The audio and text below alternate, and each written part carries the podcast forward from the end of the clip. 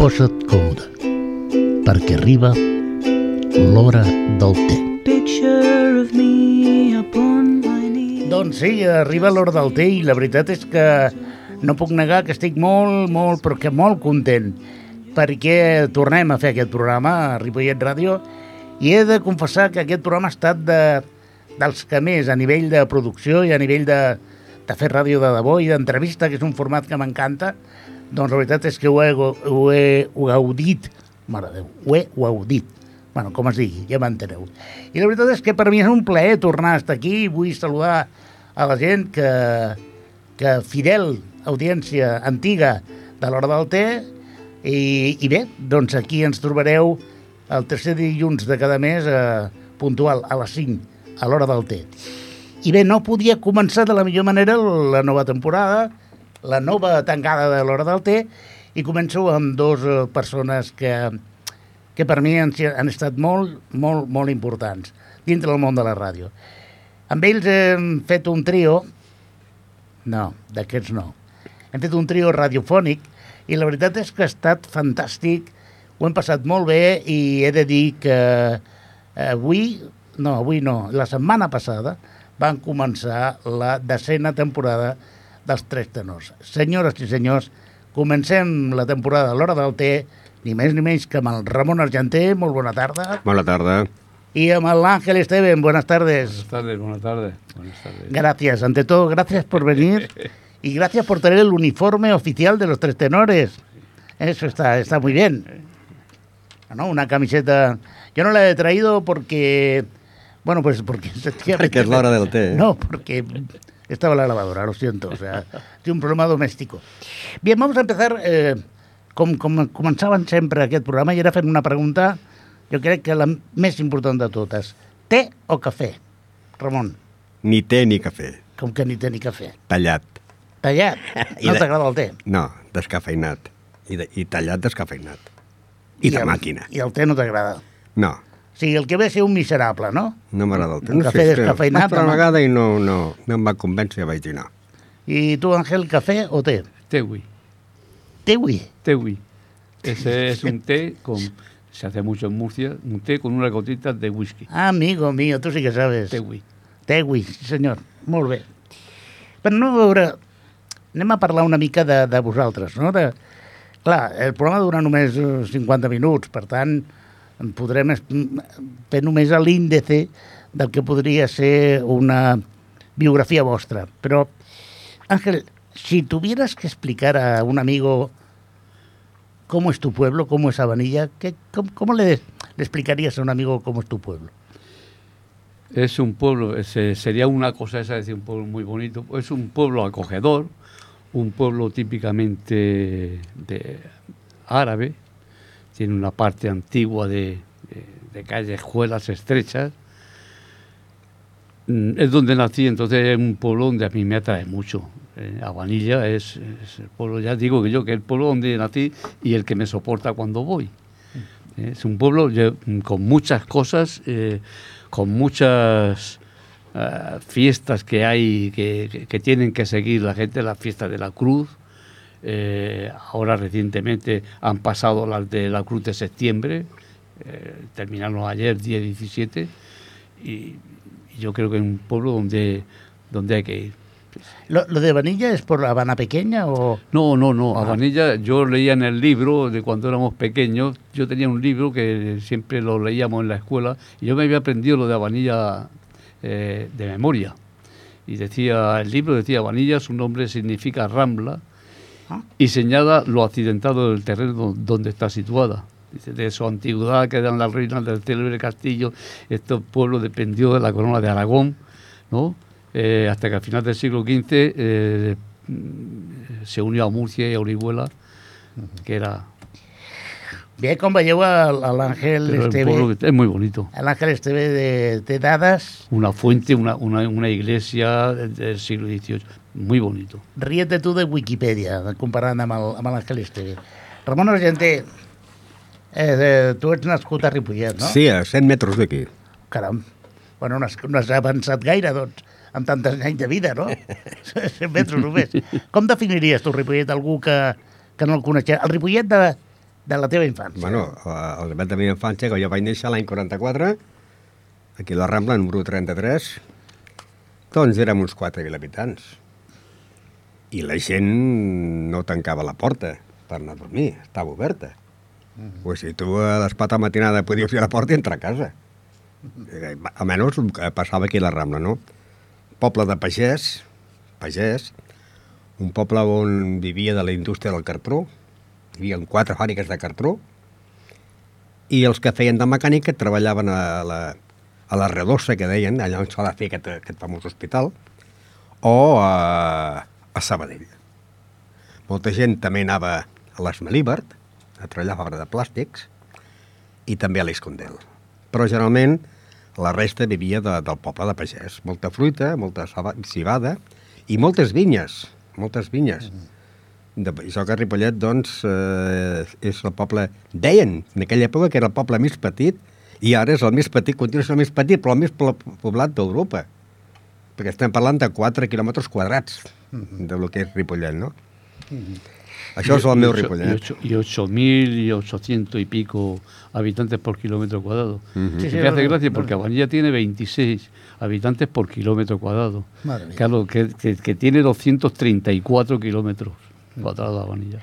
Però com veieu, tant l'Àngel com el Ramon eh, no només són uns enamorats d'allò, del lloc on van néixer, sinó que a més a més tenen dades per avorrir d'aquests pobles. Però a veure, ara jo us demano un, un, un esforç de concreció i sé que vosaltres és molt complicat. Ángel, ¿cuál sería el recuerdo, la fotografía de tu niñez, de tu infancia en Abañilla, que, que, que te viene ahora mismo que te acabo de hacer la pregunta? ¿Qué es la imagen que te ha venido? Esa imagen de tu infancia, ese recuerdo de cuando eras niño.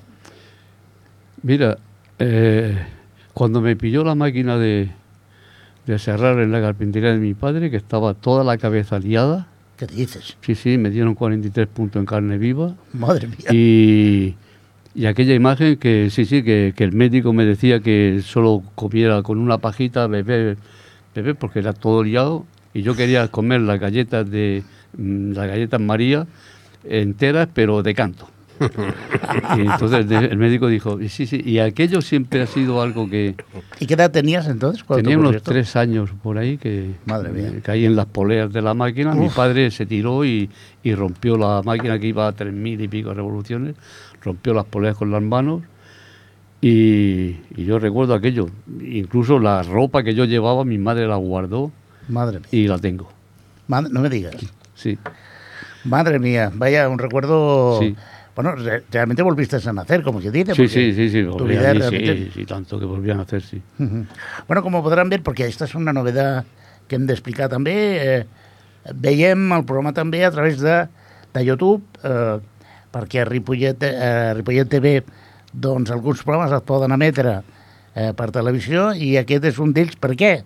Doncs per què no tots? Doncs perquè la música que posa la ràdio sabeu que té drets i al tenir drets, doncs el problema és que el YouTube diu que no, que has de pagar drets i que, i que no pots emetre. Però bé, aquest sí que es pot fer. I aprofito, si em doneu el permís, per agrair a Sara Castro, eh, eh, que és la- l'autora de la sintonia. Bueno, el tema és el T for Two, però està interpretat i cantat per ella amb el, amb l'ukelele i, i bé, li vull agrair aquesta, aquesta diferència. Bé, Ramon, eh, no, deia lo de la càmera perquè, malgrat que l'Àngel ha explicat que li van posar no sé quants milers de punts al cap, doncs, com veieu, no se li nota gaire. No, no, casi gano la liga aquel año. de tanta punt. Ramon, i tu quin és el record allò més flagrant que tens de... Pot ser positiu també, eh, de la teva infantesa. Doncs mira, eh, aquí a la Rambla, a la nit, mentre es prenia la fresca, doncs jugar a cavall fort, eh, el, el arrencar-cebes,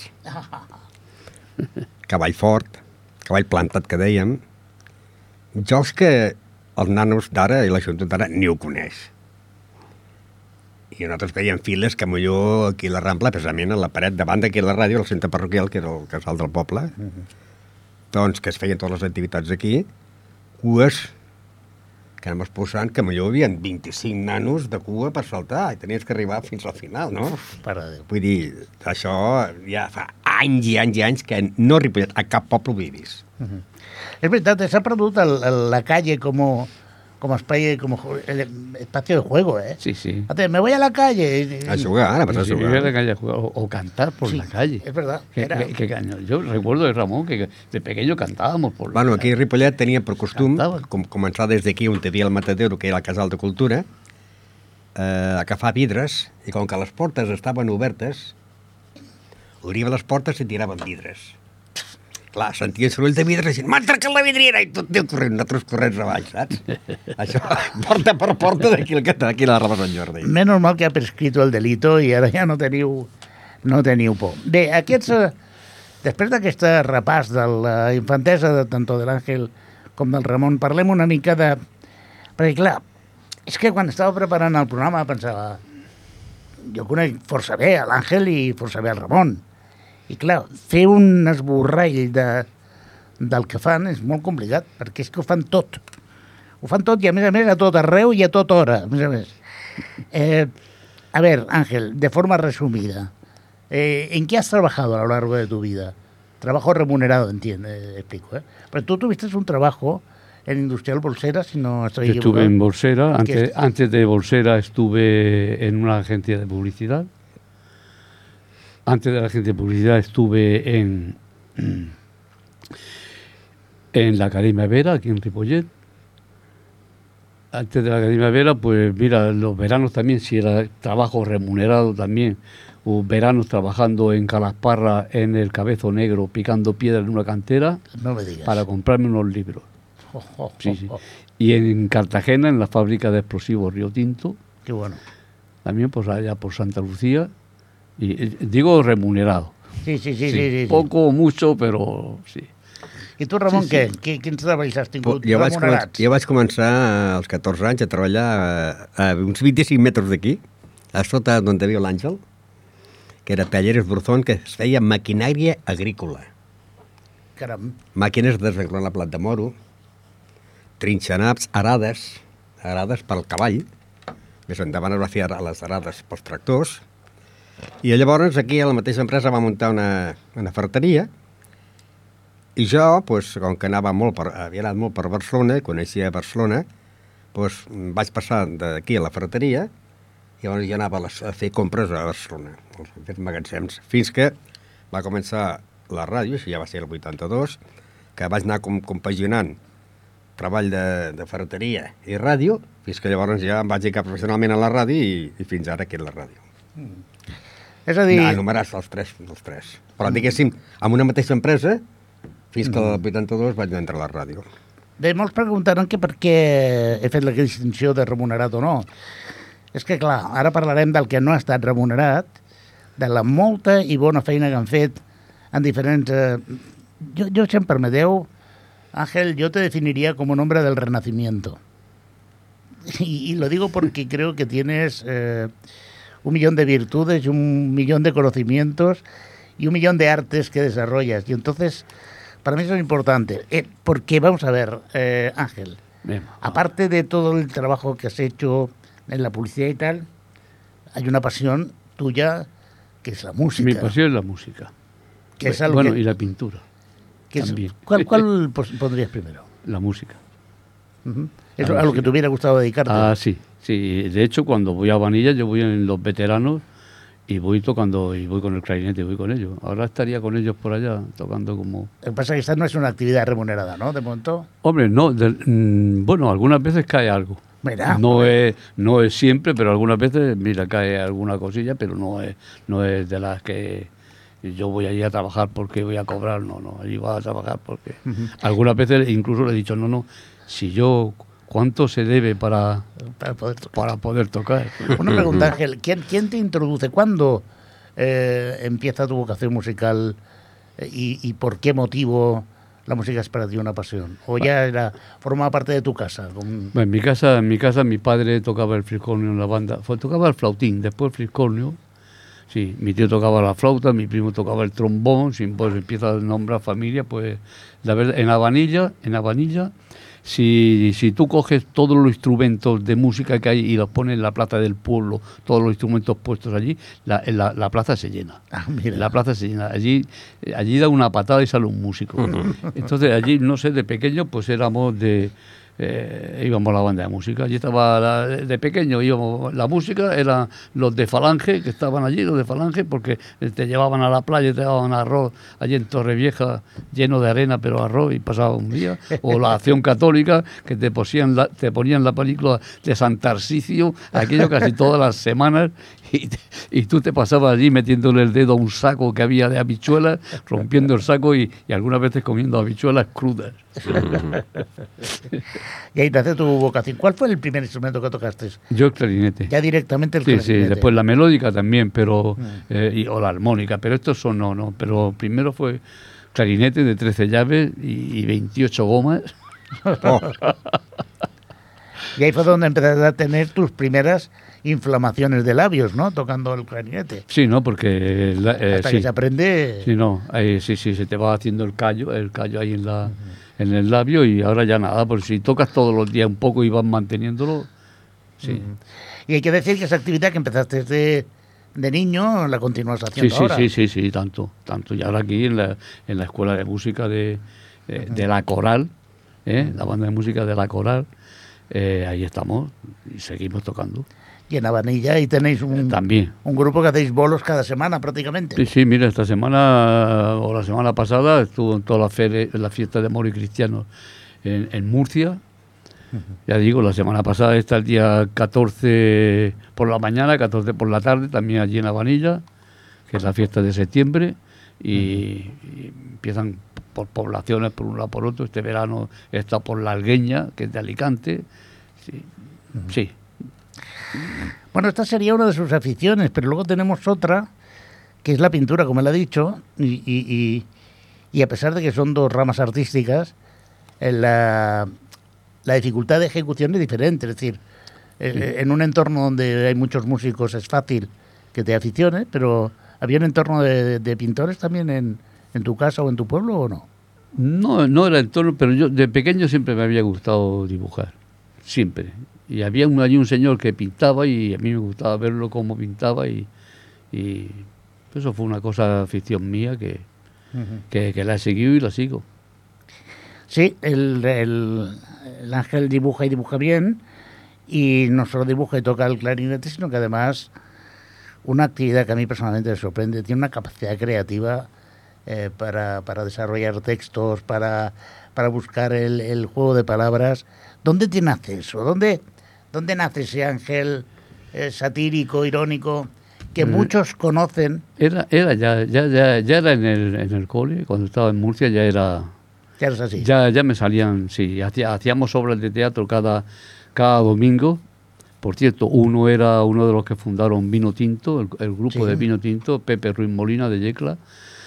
Y aquel y yo salíamos todos los domingos y representábamos nuestras obras de teatro que escribíamos nosotros y nos llamábamos los pelmazos del domingo.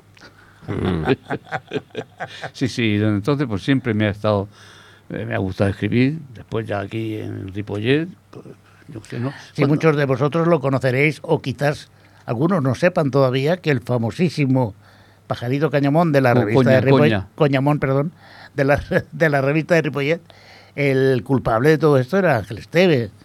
Eh, sí, en cierto modo, sí.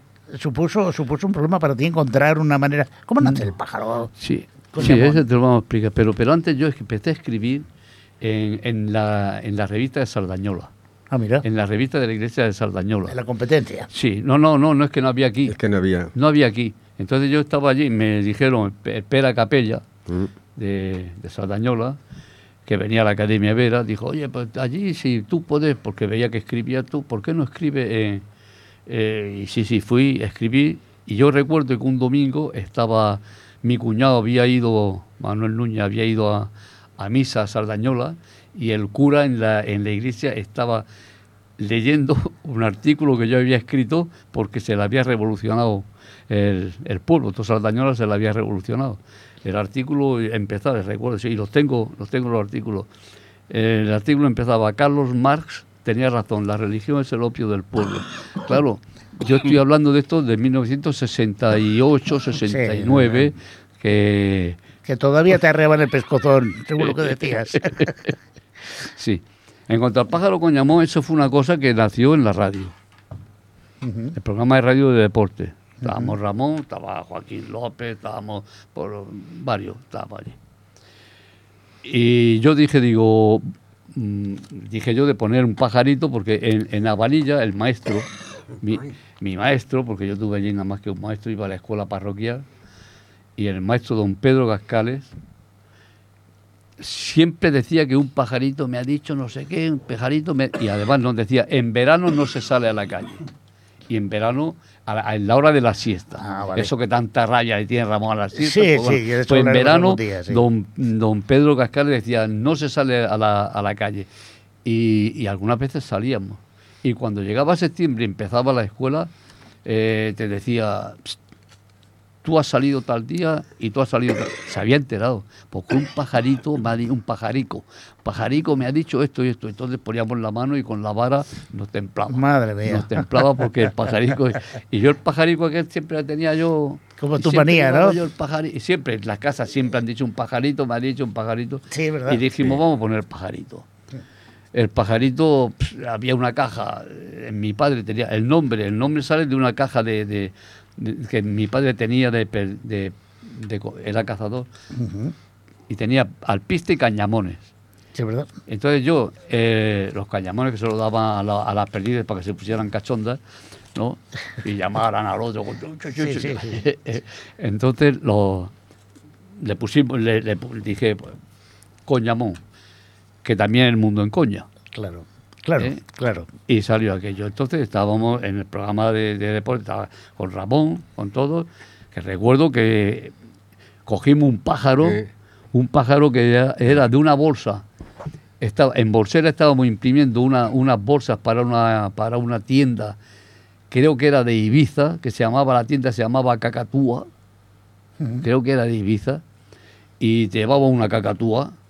Y yo saqué una lámina de la bolsa, de la máquina impresora, saqué una lámina de esas que iba para bolsa y, cogimos el pájaro aquel y, llamamos a Xavi Armadas, que era el concejal de deportes de aquella época, a la radio para que, para que bautizara al pájaro. Y allí se bautizó al pajarito Coñamón. Sí, que antes era Ángel y Ramón y el pajarito Coñamón. Al principio empezó va Sí, de pelotas. Sí, va de pelota. Va de sí. pelota y, y- y- y poníamos debajo Ángel Ramón y el pajarito Coñamón. Sí, sí, pero como yo vi que, que Ramón le decía, chacho, dime algo de lo que para por aquí, y no me enteraba, dije, pues ala, fuera, eh, pajarito Coñamón. Y La verdad es que eh, eh, en los ¿cuántos años estuviste haciendo el pajarito cañamón? Pajarito Coñamón mm, estuve desde estuve desde abril del 91 hasta el 10 hasta mayo por ahí del, del, del 16. O sea, Eh, añitos. 25, y- 25 años. Pues eh, de unido porque te has metido, 25 has repartido estopa a todo Eh, Dios. Sí, sí, sí, ahora, pero pasa que ese lo hemos, lo hemos pasado ahora, no, Sí, con Coñamón sí, lo hemos pasado a, a- A- a las chufas. A las chufas. Bueno, luego seguimos hablando, Ángel, porque no acaba aquí la actividad que hace Ángel, ni muchísimo menos. Y ara, Ramon, a veure, a veure un moment. Tu, tu eh, deia abans de l'Àngel que considerava un home del Renaixement. Si jo hagués de definir-te amb una paraula, seria compromís. És a dir, el Ramon, potser perquè ha estat solter, Sí, això... potser perquè ha estat solter, Sí, sí. s'ha dedicat en cos i ànima a la seva activitat. Que hi ha moltes, però crec que a nivell popular la principal és el- l'esport. L'esport i el teatre. I la ràdio. Però anem a parlar primer, punt a punt, esport. Esport... Com t'inicies Sí. en el... Perquè, clar, no es tracta només de retransmetre, de fer un programa d'esports a la ràdio, no. És que tu has estat, has estat un dels fundadors del tenis taula de Ripollet, Sí, doncs, bueno, fundadors no, va ser el segon president que va tenir el president fundador, que va ser el François Resneda, va ser el primer president, llavors vaig entrar jo en l'any 69 i vaig estar 33 anys de president. bueno, Vaig entrar al club, sí, en, amb 12 anys, però es pot dir que eh, el mateix dia, el mateix any, Ma germana feia teatre. I llavors, clar, com que estava en el teatre, al centre parroquial, hi havia el, el tenis taula, el bàsquet i el, i el teatre, doncs eh, jo ja estava en el tenis taula amb tots anys. I ma germana va dir, escolta'm, que fem una obra de teatre que surt un nen petit que no diu res, que veu una pilota, tal, i juga amb una pilota i se'n va fora. Voldria sortir? Sí, vaig sortir i des dels 12 anys que he estat fent teatre fins ara. I el tenis taula fins ara. És a dir, eh, vas començar el tenis taula com a president?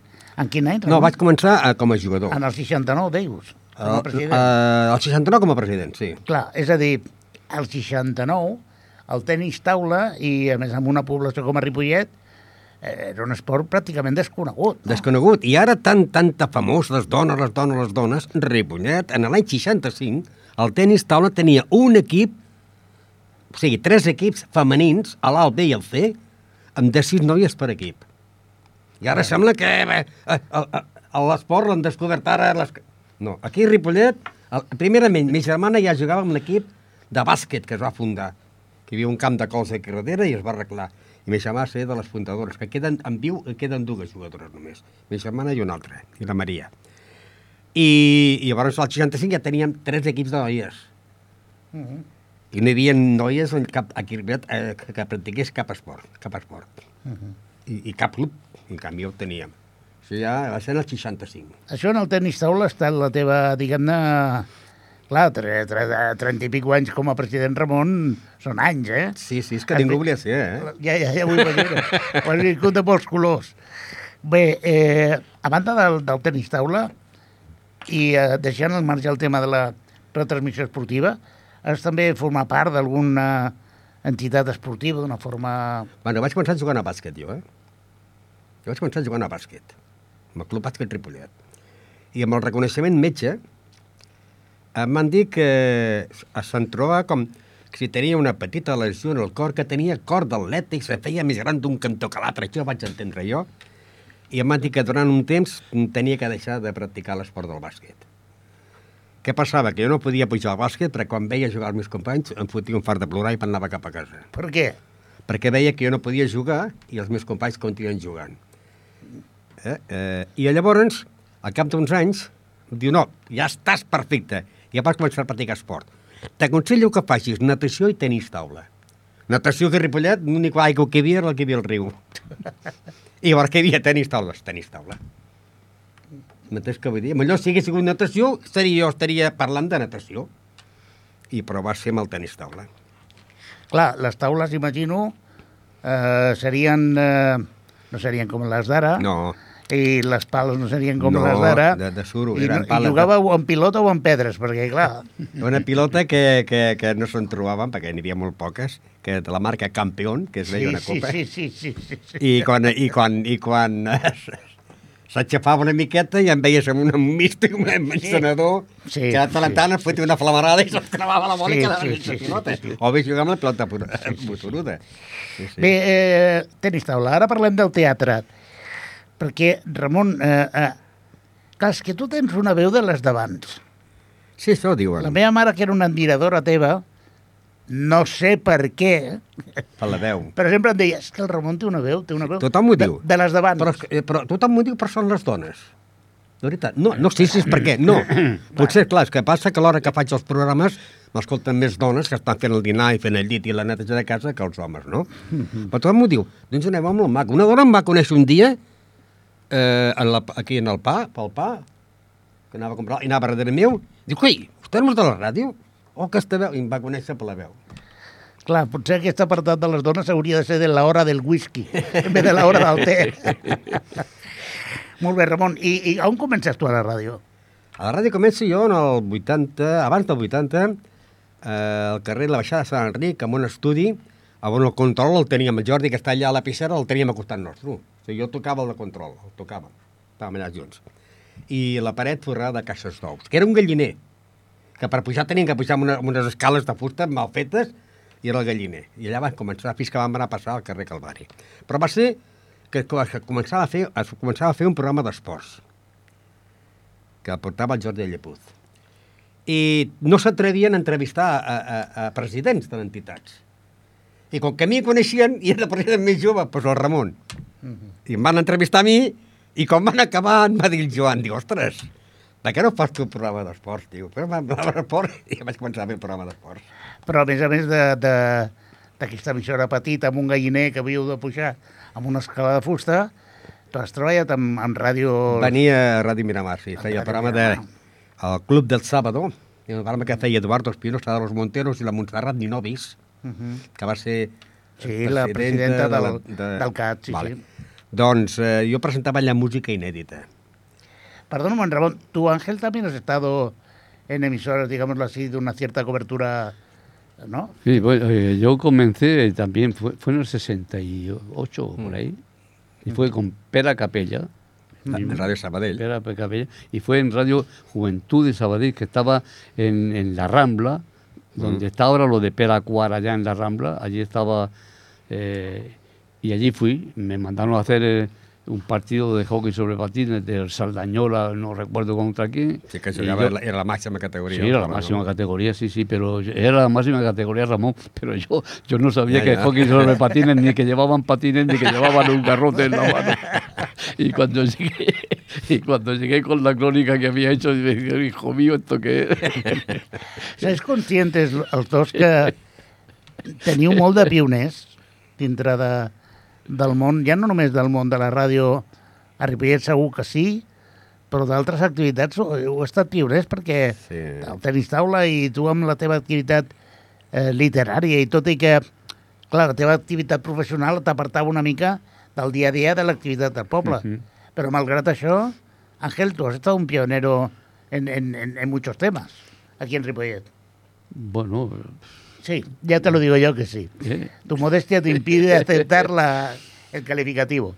A veure, eh, bien, però si ara sortíssim al carrer, pero Ra- Ramón y yo estábamos también, como estábamos en deporte, también estábamos en el patronato de deporte. Sí. lo sé, lo sé, Cuando se Sí, inauguró però, la piscina. però no, vot, vot- votat pel, pels clubs, eh? No, ell, ell pels col·legis, Sí, sí, sí. jo per representar els clubs de Ripollet, però no per polítics, eh? Sinó, No, no, no, no, està clar, està clar. Era lo que nos peleábamos con ellos. No, no, és que clar, és que aquesta és una altra cosa i és que ara som pacífics i tranquils, venerables ancianos que passem per les calles, bueno, jo no els posaria el dit a la boca, però la veritat és que, que som molt tranquils, però han estat molt guerrillers en molts aspectes. Sí. Però si ara sortíssim al carrer i preguntéssim a gent d'aquí, de Ripollet, no m'agrada l'expressió de tota la vida, però que porti molts anys aquí i els imagineixin, escolti, el, el senyor Ángel Esteve, Hombre, este que sabe tanto de zarzuela y de ópera.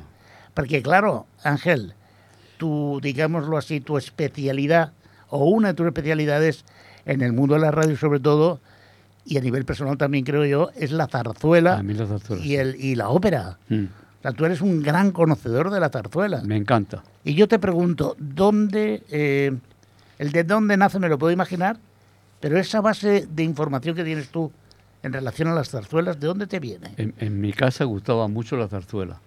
Mi hermano leía a Roberto Alcázar, Pedrín y toda aquella gente, y, yo te, y yo habían dos libros de zarzuela allí, dos libretos.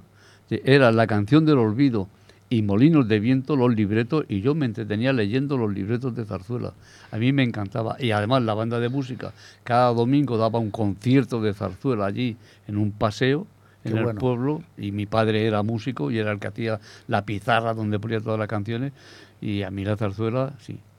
Y, fu- y fue en un programa de Cruz y Santa, de que hacía Ramón, cuando me dijo, oye, ¿por qué tú que tienes tanta zarzuela y que te gusta tanto la zarzuela, ¿por qué no en mi programa ha- hago un hueco allí y, y hacemos de zarzuela? Y así empezamos a hacer... y así así A mí me preguntó un ciudadano ilustre de este pueblo, que nada tiene que ver con la política, ¿eh? lo digo para descartar venganza por lo del por el pajarito Coñamón, me, me, además me lo dijo en catalán, diu, escolta, tu penses que les anècdotes que explica el Ángel Esteve són veritat o se les inventa? Ángel, ¿son verdad o te las inventas? La- yo las anécdotas que cuento mm, aquí son, son reales. Como la vida misma. Sí, real, es como, como, el, eh, como el día que fui a casarme y en vez de irme a la iglesia me fui al campo de fútbol. Y la novia estaba en la puerta de la iglesia y yo estaba en el campo de fútbol. Ramón fue a la boda. Y yo estaba en el campo de vaig fútbol. arribar primer jo que ell. Sí, sí, y la novia. y la Desde aquí, novia. una, desde aquí un saludo cordial a la mujer de Ángel Esteve, que tiene el cielo ganado. Esta mujer, lo que ha tenido que, que aguantar la pobre. més a és que passava que en aquella època, aquella època, a les mitjaparts dels partits, ja aprofitàvem per donar resultats dels esports de Ripollet que ja sabíem, Sí, ho dèiem a les mitges parts. No del, del futbol, eh, de tots els esports de, de Ripollet. sí, sí, y lo, y lo- y lo decíamos, y lo decíamos en el campo de fútbol. Sí, sí, sí. Que Era un carrusel deportivo en el vivo y en directo. En, Sí, el, sí, sí, en el sí. que no había emisora de radio. No, no havia, eh? No había emisora de radio y era en el campo de fútbol donde está ahora eh, el Mercadona. el Ja dèiem Mercacentro y todo, resultats de, no del, te- del tenis taula i de, si del hockey, del que sapigués. Y allí dábamos los resultados en, lo- en el, en el campo de fútbol. Si la gente eh, de, de Ángel Esteve exclamaría que es un gran experto en, en, en zarzuela, No, me gusta. de Ramon Argenter no hi ha cap mena de dubte que la seva figura, tot i que s'hi semblen com un huevo o una castanya, és Elvis Presley. Mm. Ramon, perquè l'idili que tu tens amb Elvis Presley és, és sobrepassa lo professional. Bueno, no, no, jo, pas, jo som eh, amant del rock and roll dels 50. Eh? La prova està que els que eren fanàtics d'Elvis no compraven discos d'altres. Jo comprava tot el que sonava. Tant, tant si fos l'Elvis. El que passa que jo em vaig interessar més amb l'Elvis després de la seva mort.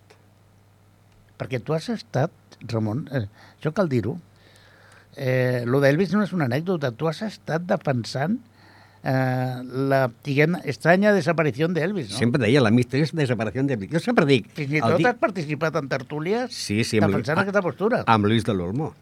Explica't una mica Amb això. el programa, amb el programa eh, eh, Protagonistes. Protagonistes fin de setmana, que es feia eh, a la tarda el feia el Goyo Prados. Que no fa gaire que la vaig sentir en una altra emissora. Doncs eh, no, per, anava un especialista a parlar de Beatles i jo anava a parlar d'Elvis. I jo presentava papers, papers i documents de, com si esti, com, del que que Elvis estava diu, que havia, que, que, que havia desaparegut, es havia posat a l'anònima, perquè ell sempre tenia por de, de morir embaranat, no? I, però jo va ser Tenia això... por de morir embaranat. Embaranat, sí. La prova està que... La qual cosa vol dir que no anava molt bé. Su azotea iba un poco... No, no, no, ell tenia por de que el, matas, que el matessin. Uh, I, per exemple, quan anaven a dinar a l'hotel, uh, dinaven tots junts els grups, els, tots el, els músics, no? I quan servia menjaven tots, menjaven igual. Però ell sempre canviava el plat. Mira, que n'hi ha massa té, pum, i donava un altre i ell agafava un altre plat. Perquè digués que no fos aquest, i sempre tenia por de morir embranat. Ahora, ahora, ahora sé d'on venen algunes coses teves, Ramon. I ara veig les coincidències. Bé, però, però, és a dir, tu vas defensar, i encara ho penses, No, lo de l'estranya Ah, desaparició sí, la, d'Elvis. sí, sí, sí, perquè...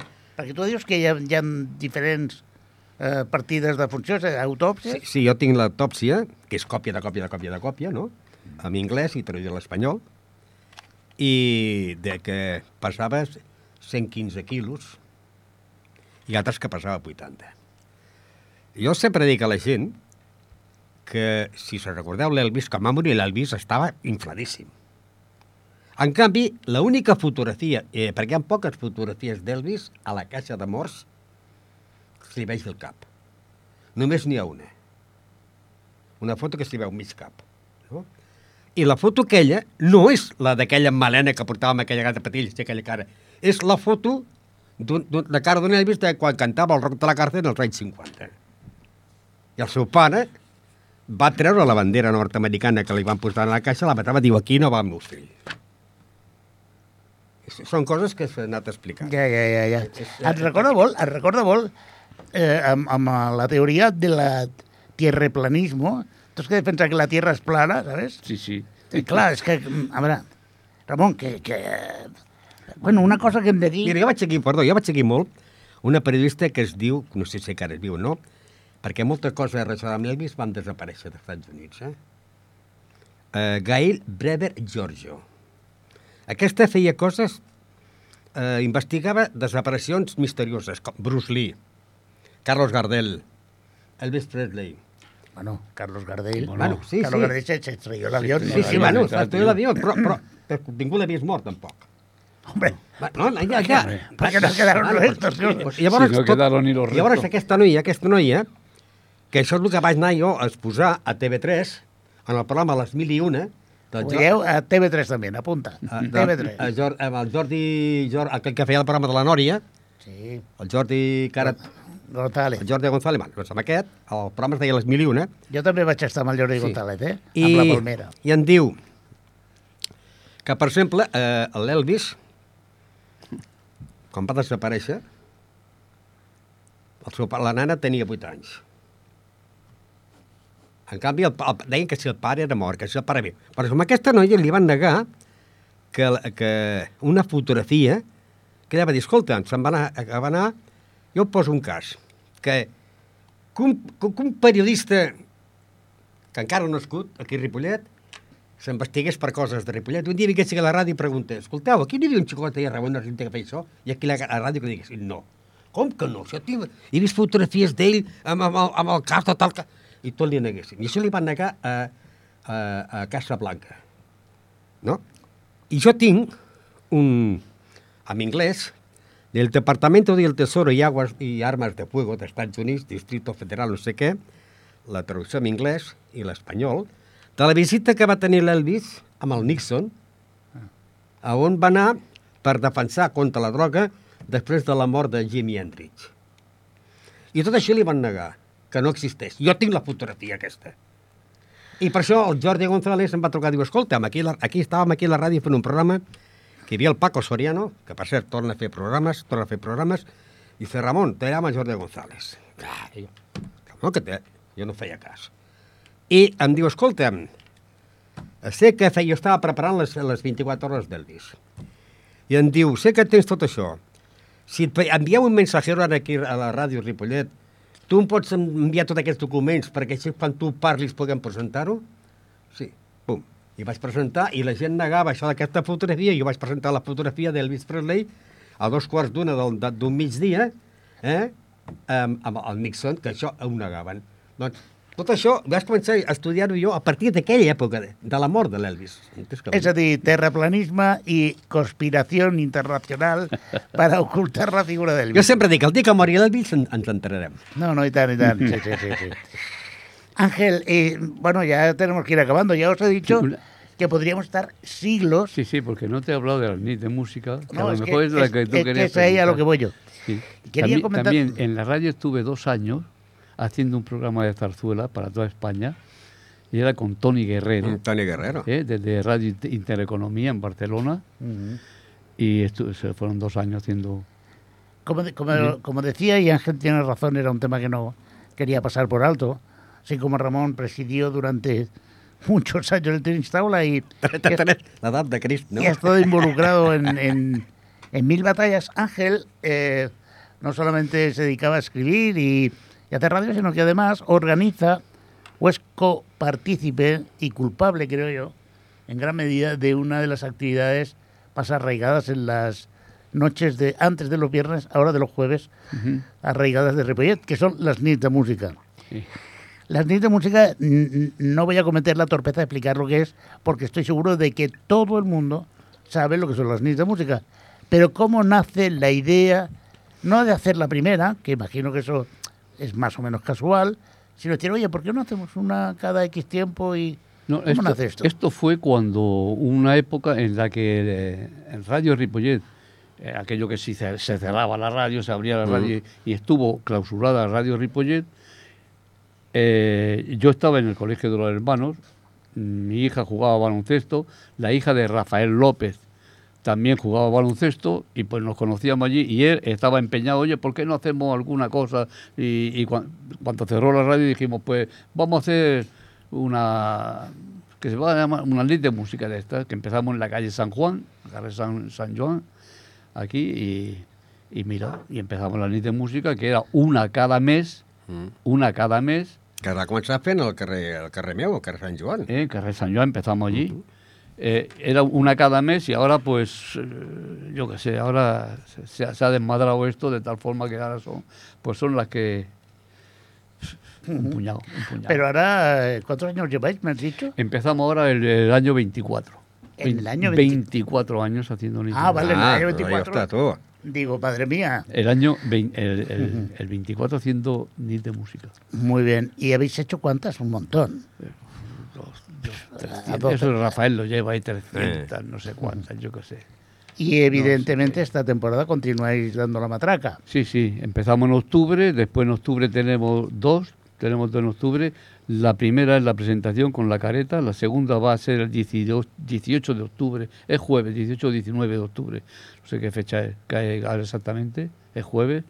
Y viene Jaume Tribó, que es el, es el apuntador del liceo. ¿No, el amigo? apuntador del liceo que lleva no sé cuántos años haciendo Oh. de apuntador del liceo, la- la pi- pues vendrá él a hacer la, Se me, están ¿Apuntador o traspunte? Apuntador. el apuntador. se me están ocurriendo un millón de bromas en relación a eso. El apuntador Tiene del que liceo. gritar mucho el apuntador del liceo para que le oigan. Sí, sí. El de No, la, no, casa, el de la consola, ¿eh? El de- sí, sí, sí, de- sí, sí, que está en la concha allí, el apuntador Sí, del sí, el liceo. que con- Además que ah. sabe, sabe idiomas a punta Pues pala tú porque dirás, tú dirás, si ha d'apuntar. Claro, imagínate. su padre o su abuelo fue el que hizo la L del liceo. Bien, estamos llegando a la- al, al final del- d'aquest programa y, y es que, claro, es que... yo- mira, lo único que le falta para que esto sea perfecto, en vez de un té, que está muy bien, por eso a las 5 de la tarde, o empezó a las 5 de la tarde, Un gin tonic. sería un gin tonic o una cervecita, o, y, que ¿verdad? no, y que nos sirvieran lo inútil de la cuina. Exacto, pero yo antes, antes de, de acabar el programa quiero haceros una pregunta y os pido una respuesta relativamente breve. Todas les vides, totes les vides de, dels éssers humans que han viscut tantes i tantes coses com vosaltres dos, la pregunta és molt senzilla. Quin és la persona que ha influït més en les vostres vides? És a dir, esta persona cambió mi vida o esta persona me ha influido. ¿Cuál, cuál diríais vosotros que ha sido la persona que más ha influido? ¿Vuestros padres, vuestras mujer, hijos? Bueno, a mí, a mí en música fue mi padre. En pintura, digamos, fue un profe que teníamos que le llamábamos la bicha, porque llevaba el pelo ahí tirado para arriba y estaba tornado perdido. Los profesores de pintura suelen estar Sí, mal sí, de la cabeza. Que ¿eh? me metió a Picasso cuando Picasso en aquella época estaba prohibido decir su nombre en España. Me metió Picasso en la cabeza y, y recuerdo yo cuando vine aquí a Ripollet di una charla sobre Picasso que después mm, me han dicho uno cuando tú dijiste aquello eh, te podían haber hecho algo porque Picasso no se podía decir el nombre eh, pues ya sabéis, ¿no? Él dijo que el Guernica no venía aquí hasta que no muriera el dictador. Y esto... I a ti, Ramon, fue quién? mi padre... Doncs mi en padre y- del y- teatre, el Joan Capri. Joan Capri. I a la, en una conferència que vaig tenir amb ella persona. I en el món de la ràdio, el locutor José Luis de Ribas Castro. I abans, perdó que, que de llonces, eh, si no els del tennis s'emprenyaran, eh, jo sé que has dit fundador, jo sí que vaig ser fundador del club Tenis Ripollet, tot el tenis, el tenis Ripollet. Eh, que inclús volia que fos secció del Ripollet, del tenis taula, i, eh, i, el, i jugant la pista aquesta, el que passa que ens faltaven metres de llargada i es va, es va suspendre. Don Ramon Argenter, Àngel Esteve, han estat els convidats del primer programa de la nova temporada de l'Hora del Té. Gràcies, Àngel, gràcies, Ramon. A tu, a tu. Gràcies. De veritat, ha estat un plaer i també vull agrair a Jordi Puy. Avui ha tingut doble feina perquè no només ha hagut de controlar el so, sinó que, a més, hem debutat també al món de, de YouTube. Per tant, eh, estem molt contents, estic molt content de poder començar i no podria començar a millors padrins. Companys, amics, recordeu que el tercer dilluns de cada mes, a les 5, a l'hora del té, teniu una cita amb mi. I si voleu escoltar alguna persona normal i corrent, com es transforma en protagonista. A reveure.